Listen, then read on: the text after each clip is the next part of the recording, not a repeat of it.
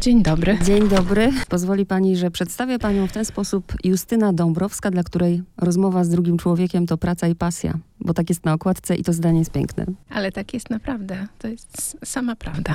Spotykamy się w sprawie najnowszej książki Miłość jest warta starania, rozmowy z mistrzami, która ukazała się nakładem wydawnictwa Agora. Ponad, policzyłam, 24 rozmowy. Tak. Y, Połowa z nich nowe, nieznane, Tak. a wcześniej publikowane już. Tak. I to jest bardzo stresujące rozmawiać z kimś, kto jest właśnie fachowcem od rozmawiania. Nie mówię od wywiadów, ale od rozmawiania. Mhm. Mhm. I takie mam marzenie, żeby nam właśnie udała się rozmowa. Niech to płynie. Niech płynie, tak. Płynie nie mam pytań przygotowanych, ale Bardzo się cieszę. niektóre y, rzeczywiście pewnie padają, y, bo i też mnie interesują. Mhm. Rozmowy z mistrzami. Mistrz w znaczeniu, nie wiem, autorytet. Mistrz w znaczeniu, że jest fachowcem w danej dziedzinie. Czy mistrz... To są mistrzowie i mistrzynie życia. Przynajmniej ja to tak rozumiem. Okazuje się, kiedy już idę na rozmowę i kiedy już to spotkanie trwa, a nie zawsze idę do kogoś, kogo znam, to mistrzostwo pokazuje się na ogół jako taka sztuka życia pomimo różnych trudności. Sztuka dobrego życia, życia twórczego, życia, w którym jest dużo dawania z siebie innym, pomimo tego, że ja rozmawiam przecież z pokoleniem, które jest dotknięte wojną, bo to są ludzie na ogół urodzeni przed wojną, w czasie wojny lub tuż po, przez rodziców, którzy no, byli dorosłymi ludźmi wtedy, kiedy ta wojna się tutaj przetaczała i wojna i zagłada i to wszystko, co aż trudno nam sobie jest wyobrazić. Więc ja idę do tych ludzi i pytam ich, jak to jest możliwe, że wy jesteście tacy nieprawdopodobnie witalni, pełni życia, pasji, twórczy, mimo tego wszystkiego, co was spotkało. Do mnie akurat książki nie trafiają przypadkowo. I ta książka Mhm. trafiła w wyjątkowym momencie, ponieważ 16 lutego e, 90 lat skończyłby Kazimierz Kuc. I Tak. robiłam duży program właśnie wspomnieniowy i akurat wyszła przecież wznowienie autobiografii Aleksandry Klich o Kucu. Mhm. I otwieram pani książkę i pierwsza rozmowa z Kazimierzem Kucem, który przecież kilka miesięcy temu jeszcze, jeszcze był z nami. Był z nami, tak. I tak e, dużo myślałam przy tym programie i nagle czytam i aż miałam ciary, kiedy on e, mówi, że jest na tę śmierć przygotowany. No tak, bo on, y, bo on mówi, że ja przyszłam do, do fachowca Tak. od starzenia się i umierania, chociaż jednocześnie pod koniec rozmowy, kiedy ja go pytam, no ale panie Kazimierzu, ale ile pan ma lat tak naprawdę w środku, w tym momencie? A on tak chwilę milczy, milczy, a potem mówi 24, nie więcej. To też jest. W większości chyba tak jest, że czują się kilkadziesiąt lat młodsi duchem. No właśnie, to jest y, takie niezwykłe odkrycie. Nie wiem, czy pani też ma takie doświadczenie, ale ono jest trochę i moim udziałem, że ja w środku czuję się zupełnie inaczej niż, niż pokazuje metryka i za każdym razem, kiedy widzę się w lustrze, to się bardzo dziwię, kogo ja tam mianowicie widzę. I oni mają dokładnie tak samo. To znaczy, rzeczywiście to ciało, ponieważ czas mija i to ciało staje się, y, coraz ma więcej różnych ograniczeń, to ono daje się czasem we znaki, czy pokazuje ten upływ czasu. Natomiast to, co jest takie mentalne, duchowe, to, co jest w umyśle, jest cały czas bardzo młodzieńcze albo takie mieniące się. Bywa, że, że ktoś mówi, no, no wiesz, no to zależy. No, czasem mam 16 lat, prawda? Tak jak pani Ola Jasińska-Kania mówi, kiedy mówi o swojej miłości w 80. wiośnie życia, to mówi, proszę pani, no myśmy mieli wtedy po 16 lat, a, a mieli ponad 80, prawda, jak się pokochali, więc mm, to jest czasem taka właśnie jakaś niejednoznaczny jest ten wiek wewnętrzny. Mam przeogromny do nich szacunek. Mhm. Bardzo lubię ich słuchać. Brakuje mi tego, że dzisiaj starych ludzi Mhm. nikt nie pyta, prawda, o, o, o zdanie. Dzisiaj właśnie nawet ja ich spycham. pytam. No właśnie dlatego pani to robi to jest właśnie cudowne.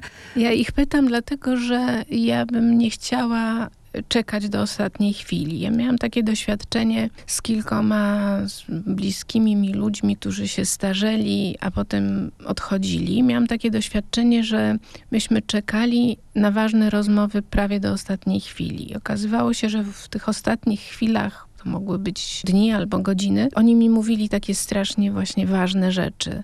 I, I potem sobie pomyślałam, kurczę, no bez sensu jest czekać tak właśnie do ostatniej chwili z tymi różnymi ważnymi, ostatecznymi pytaniami. Porozmawiajmy wcześniej. I pomyślałam sobie, dobrze, to ja będę do nich chodzić i właśnie ich pytać o te sprawy ostateczne, jak to jest, co się widzi z tego, z tego miejsca na tej, na tej górze, na którą się człowiek wspina całe życie, co się widzi, jaki widok się rozpościera, jaki krajobraz, co się wtedy myśli, co się myśli o sobie, co się myśli o życiu, co się myśli o przemijaniu, e, co było właśnie warte starania, a co nie, co można sobie było odpuścić, czego się żałuje, co się ceni, jak się myśli o samym przemijaniu, o traceniu, traceniu siebie, swojego zdrowia, ale też traceniu przyjaciół, bliskich, traceniu różnych sprawności. Jak można się z tym, czy można się z tym uporać, jak się z tym uporać, na czym to polega, to doświadczenie, jak ono wygląda. To, to wszystko są rzeczy, o które warto pytać wcześniej. I wiem z różnych, mm, z różnych przesłuchów, do, docierają do mnie takie, takie informacje od czytelników i czytelniczek, że często ta książka jest takim pretekstem do rozmowy z kimś bliskim, właśnie o tych sprawach ważnych. Bardzo bym chciała, żeby tak było i też pretekstem do tego, żeby zastanowić się nad sobą, bo są tacy, którzy myślą jednak już dzisiaj, nawet mając ileś tam lat o przemijaniu, mm. o tym, co ważne, a są tacy, którzy w ogóle to spychają. Ale bardzo mnie e, roz, raczej rozbawiło, no mogę tak powiedzieć, mm. bo podejrzewam, że tak nie wyglądała rozmowa. Pierwsza strona, jeszcze wrócę do Kazimierza Kuca i tak. to, to pani o starości chciałam porozmawiać.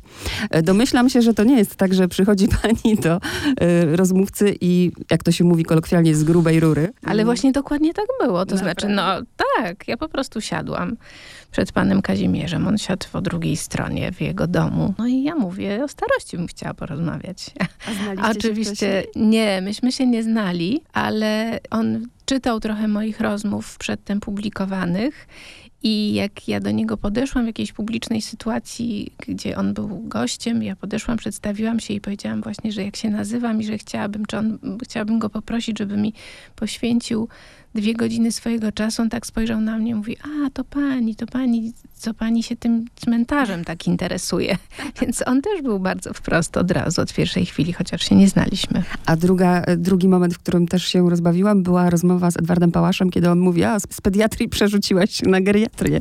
I zrozumiałam ten dystans, tak. jaki ma do siebie. Ale tak, tak. no. też o ten klucz właśnie wyboru tych mistrzów, mm -hmm. no bo z rozmów wynikało, że niektórzy panią znali przez pani tatę. Tak, to są ludzie, których albo pamiętam jakoś ze swojego dzieciństwa, czy ze swojej młodości. Niektórzy byli, no, Edward Pałasz był po prostu jednym z dwóch najbliższych przyjaciół mojego ojca, więc mogę powiedzieć, że znam go od dziecka, ale niektórych nie znałam w ogóle. By było tak, że bywało tak, że ktoś mnie po prostu, ktoś z przyjaciół mi powiedział, och słuchaj, musisz pójść do niej koniecznie, ona na pewno ci coś ciekawego opowie. No i tak było, że szłam na przykład do pani profesor Zofii Rosińskiej. Nie znałyśmy się, nie miałyśmy w ogóle o sobie żadnego pojęcia, a wyszła bardzo ciekawa rozmowa. No o tym też muszę wspomnieć, ponieważ y, są wspaniałe zdjęcia. Wspaniałe, po prostu wspaniałe. Tak jak one by, tak jakby nie były w ogóle, mimo że wiem, że to były zdjęcia gdzieś tam pozowane, to wyglądają tak naturalnie. Robił je Mikołaj Grenberg. Tak, i on jest mistrzem on jest mistrzem takiego właśnie czynienia, czynienia spotkania z nawet najmniejszej, najkrótszej chwili. I to widać w tych portretach. Mam, On też jest e, autorem okładki do książki. Mam ulubiony portret, to jest portret Aleksandry Jasińskiej. E, kiedy mm. patrzę w jej oczy, Mm. Widzę właśnie takie iskry radości, młodości i pomyślałam mm. sobie, że gdybym kiedykolwiek dożyła takiego wieku, to chciałabym, tak, żeby tak moja starość wyglądała. Po prostu mm. piękna jest. Tak, tak, to bardzo piękny portret. Wiem, że pani, że pani Jasińska-Kania też jest z niego zadowolona. I teraz pytania, na które chyba nie ma odpowiedzi, bo tutaj w tak krótkim czasie nie da się, na pewno nie można uogólniać, czy jest właśnie jakaś recepta, ale nie mamy też czasu, żeby mm. o poszczególnych bohaterach rozmawiać, więc... Nie ma recept. Rzeczywiście to, to, to pokazują te rozmowy, że nie ma recept. I też, inna. tak, i też ja nie chodzę po recepty, ja chodzę bardziej po to, żeby pobyć razem w takim wspólnym poszukiwaniu poszukiwaniu odpowiedzi, tak właśnie sobie siedzę, tak, tak sobie wyobrażam, że tak przycupnęłam i zamieniam się w słuch i słucham, co ten człowiek do mnie mówi. To są ludzie w wieku moich rodziców, więc tak sobie wyobrażam właśnie, że przyszłam do, do moich rodziców i siedzę i słucham. I samo, samo patrzenie na nich i słuchanie tego jacy oni są pogodzeni, jacy są pogodni, jacy są zaciekawieni przyszłością. Jak mówią, że z różnymi sprawami można się uporać, myślę, że to jest taki, taki wspólny mianownik, że oni pokazują, że nawet przez najtrudniejsze doświadczenie można przejść, że oni mają taką perspektywę, życia, która pokazuje, że tak, było momenty, były, były momenty bardzo dla mnie trudne, ale to już jest za mną. Przeżyłam to, było mi trudno, rozpaczałam, ale oprócz rozpaczy jest też radość I, i można zobaczyć właśnie z tej perspektywy, że w tym krajobrazie wewnętrznym jest bardzo wiele różnych widoków, on jest bardzo urozmaicony. On nie jest cukierkowy, to nie jest tak, że jest tylko cudownie, ale właśnie jest rozpacz, jest cierpienie, jest ból, są utraty, ale jest też radość, rozkosz, kreatywność, ekscytacja. Użyła Pani y, tego słowa, którego ja chciałam użyć, pogodzenie. Mm. Bo mhm. zadawałam sobie takie pytanie, czytając tę książkę, bo tego nie wiem. Mam różne inne doświadczenia, ale mm. nie mhm. wiem, jak to jest być starym, prawda? Bo nie mam 80 no właśnie, lat. Tak. I nagle się okazuje, że oni są wszyscy właśnie pogodzeni. Tam nie ma takiego buntu, takiej niezgody na to. Ewentualnie jest to, tak jak pani mówi, no nie jest cukierkowo, bo doskwierają te wszystkie, uważnie wczytywałam się mm. w te mhm. momenty, że każdy prawie z nich mówi o tym, że robi się coś wolniej, więcej czasu im to zajmuje, że z tym mają e, taką złość na, na taką prozę. Tak, tak. No oni, oni patrzą do przodu, tak jak, tak jak pani Danuta Szaflarska mówi, prawda? Patrzę do przodu, ja się tam nie, nie zastanawiam, nie roztrząsam tego. Nie są utknięci w przeszłości, w jakichś resentymentach, w rozpamiętywaniu. Nawet jeśli ktoś ma o coś do siebie żal, to, to traktuje to bardziej jako lekcję, czy jako jakąś y, wiedzę o sobie, ale oni oni wszyscy mają różne marzenia, plany, projekty i to też nie tak, że pędzą na złamanie karku, tylko marzą sobie, że coś zrobią i robią to wolniej, szybciej, zawsze z innymi ludźmi. To też wydaje mi się bardzo ważne, że oni wszyscy są w relacjach, są ludzie dookoła. To, mhm. jest, to, nie, to, to nie jest starość samotna. Nawet jest odpowiedź na pytanie o sens życia w niektórych rozmowach, bo e, ja sama sobie często zadaję to pytanie, po co to wszystko i wychodzi mi ciągle jedno, żeby się nadoświadczać. Tak, pani Janna Gomułka powiedziała, ja bym chciała siebie rozdać. Tak. I rzeczywiście dużo bardzo robi dla innych. I chciałabym się nauczyć od nich jednej rzeczy, ale właśnie zadam pani pytanie, czy to jest kwestia wieku. Mam tak, że wszystko bardzo dogłębnie przeżywam, analizuję, mm. zamartwiam się, a oni już są ponad to. I kiedyś koleżanka, która ma 55 lat, mi powiedziała: Słuchaj, musisz jeszcze poczekać. To się zaczyna po 50.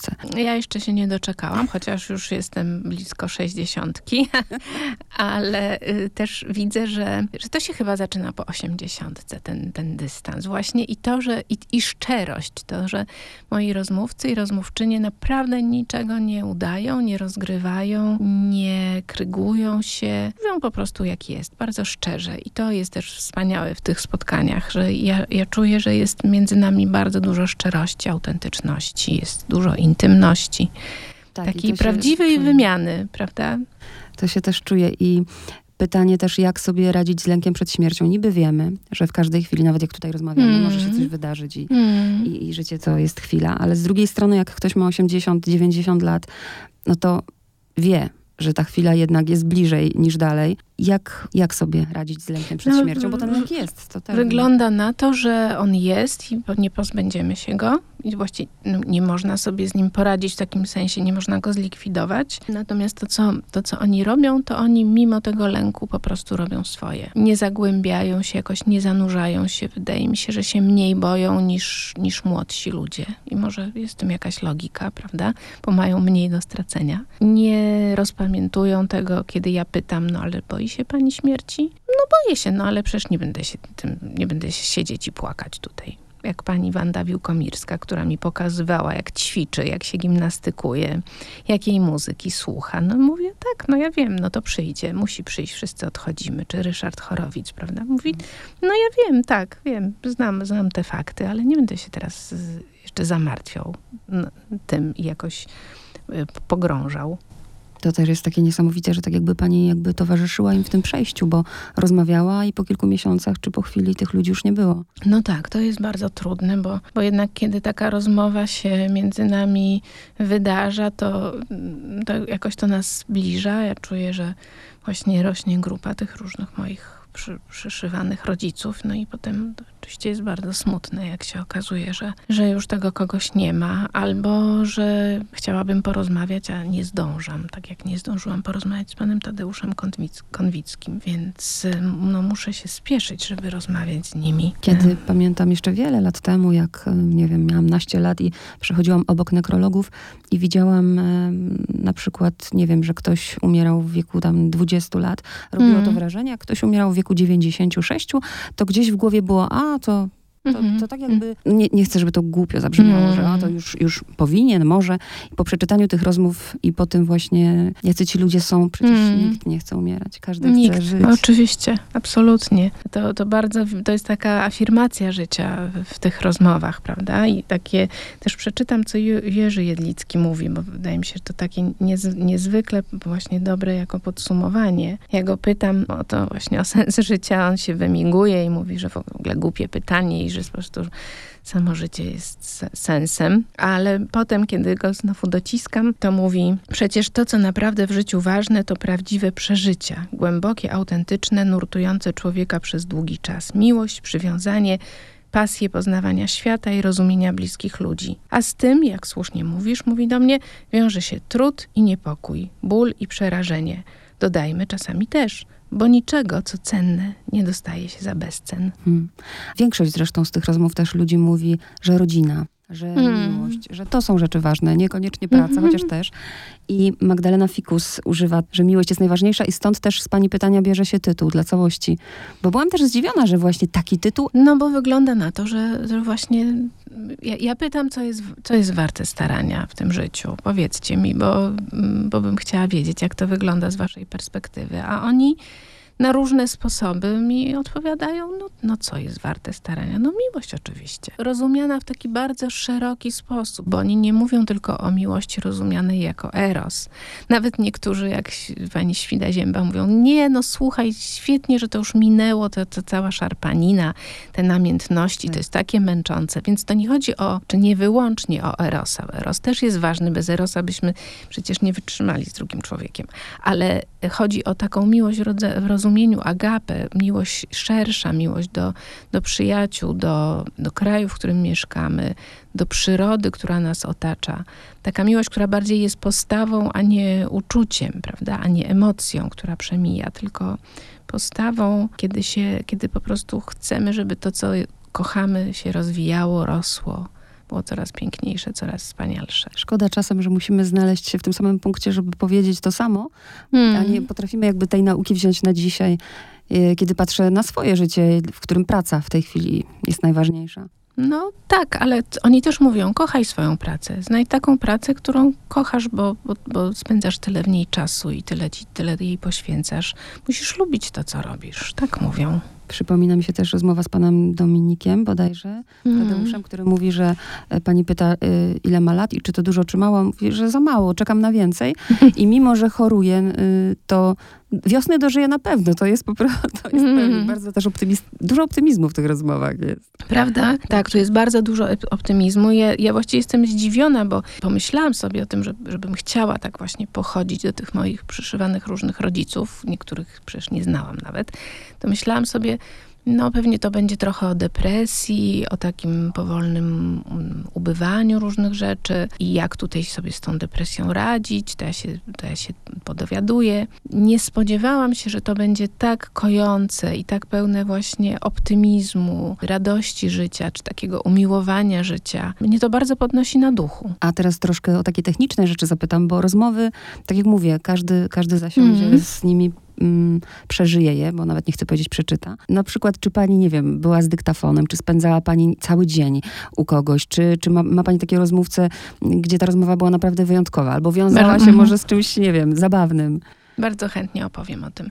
To jest taki warsztat trochę bez warsztatu. Yy, przyznam się bardzo szczerze, że ja właściwie nie robię researchu przed rozmową, ponieważ nie chcę sobie tworzyć w głowie jakiegoś obrazu tej osoby, do której idę. No chyba, że to jest ktoś, kogo dawno znałam, no to po prostu, no to, to wiem mniej więcej, kto to jest. Ale jeśli tego kogoś nie znam, to nie czytam o nim, nie rozpytuję. To, co robię, to czytam jego czy jej pracę po to, jeśli to jest ktoś, kto, kto, kto pisał, a jeśli to jest malarz, to sobie oglądam jego obrazy, tuż przed rozmową, na dzień przed, czytam, czytam, czytam i wprawiam się w taki stan y, takiego, takiego trochę rozemocjonowania, takiego nasycenia czy rozempatyzowania tą osobą. Próbuję poczuć tego kogoś i jego twórczość i w takim stanie idę na rozmowę. To znaczy patrzę, co mnie poruszyło, czy co jest mi bliskie, gdzie czuję jakieś powinowactwo i z tym idę na rozmowę, taka trochę rozwibrowana. I potem to trwa na ogół nie dłużej niż 2,5, 2-2,5, czasem 3 godziny i jest dosyć intensywną rozmową, taką wymianą. To znaczy ja się tak nastrajam,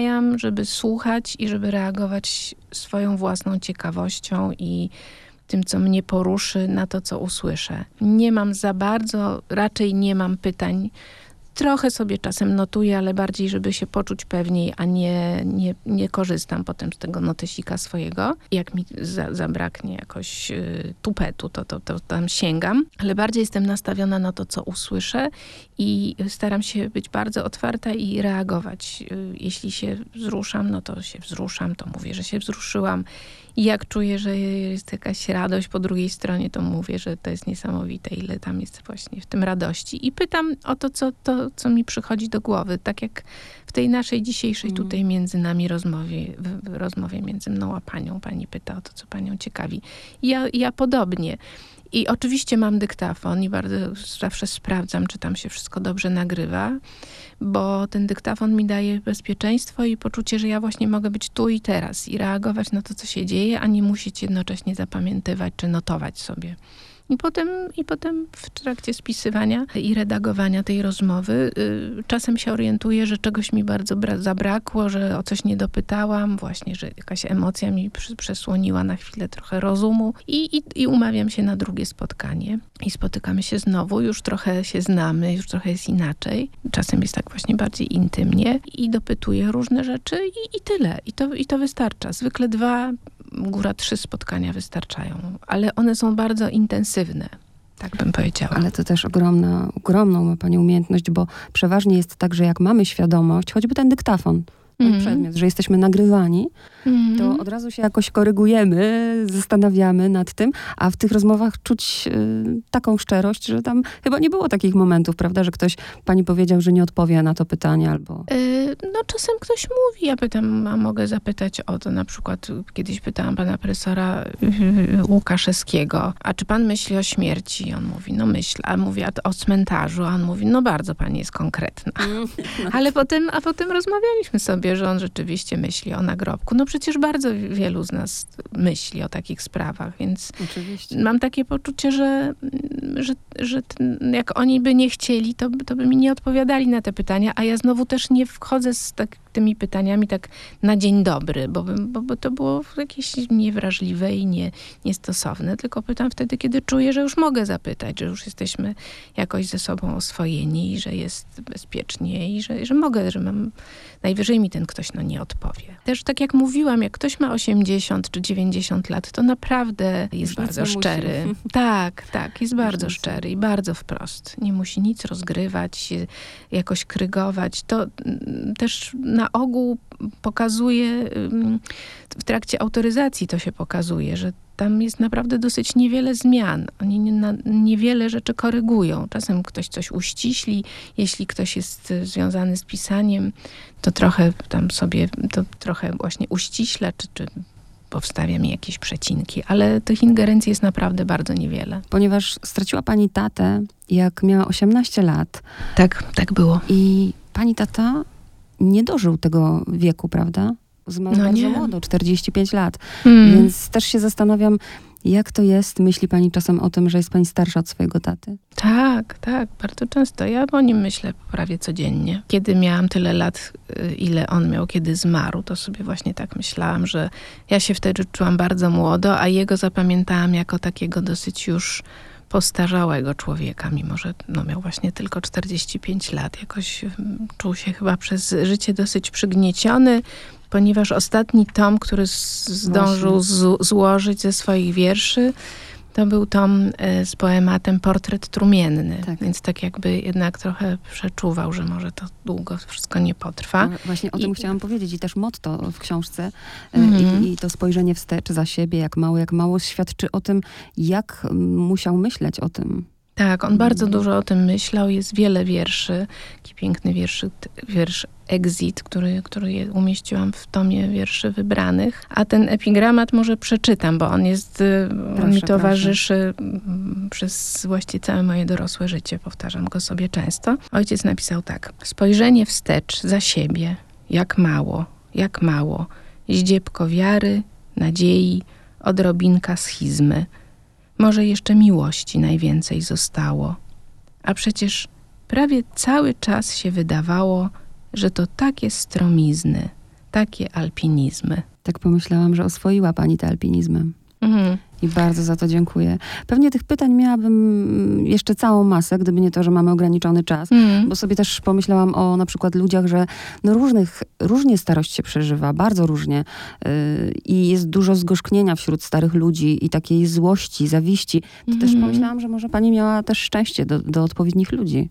Ja chodzę do tych, którzy są aktywni. Myślę, że w tym, tym jest jakaś odpowiedź. Ja chodzę do tych, którzy są bardzo mocno zanurzeni w życiu. Być może gdybym poszła i próbowała rozmawiać, robić takie rozmowy w domach opieki, to bym dostała zupełnie inny obraz starości, ale moją intencją było to, żeby pokazać, że jest możliwa i taka, i taka opowieść bo te opowieści, które są taką, o takiej trudnej starości, no to my znamy, e, prawda, bo często je widzimy i myślę, że Polska to w ogóle nie, nie jest za bardzo kraj dla starych ludzi, ale zależało mi na tym, żeby pokazać, że może być też inaczej i że, że możemy każdego dnia się zastanawiać, czy my mamy jakiś na to wpływ, żeby móc tak pokierować tym życiem, e, tak jakoś być w nim, żeby, żeby ta starość była jak najłaskawsza. Bardzo, Bar- mi, bardzo mi również jest bardzo miło z panią rozmawiać. Może jeszcze kiedyś się spotkamy. Się spotkamy, tak. Dziękuję pięknie.